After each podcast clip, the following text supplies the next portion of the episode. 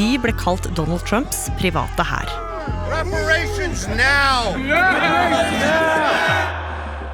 Nå er flere av lederne i den høyreekstreme gruppa Proud Boys dømt til lange fengselsstraffer for å ha skada demokratiet.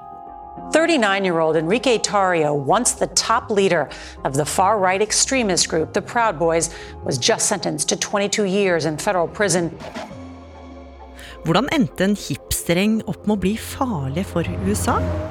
Dette er bare én av episodene Oppdatert har å by på denne uka, eksklusivt i NRK radioappen. Der kan du også høre disse episodene. Det var Jonas Aarseth Henriksen fra Ringerike som ble funnet død i Nes i Ådal denne uka. Lenge sto det tilsynelatende stille i etterforskninga av årets mest omtalte drapssak. Det er krevende å ikke vite. Familien vil jo gjerne ha en del svar. Men nå, etter fem uker, har to menn blitt sikta for drapet på den 30 år gamle tiktokeren, kjent som Lastebil-Jonas. Kan Erna Solberg være Høyres statsministerkandidat inn i stortingsvalget om to år? Det spørsmålet stiller mange seg.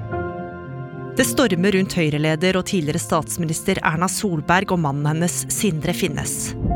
Sindre Finnes med omfattende aksjehandel mens kona var statsminister. Et tillitsbrudd, sier Erna Solberg. Tillitsbrudd er alltid vanskelig, og ekstra vanskelig er selvfølgelig i en familie og i et ekteskap.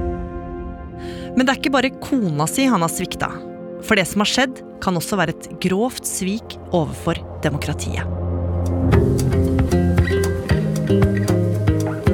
Oppdatert finner du kun i NRK radioappen.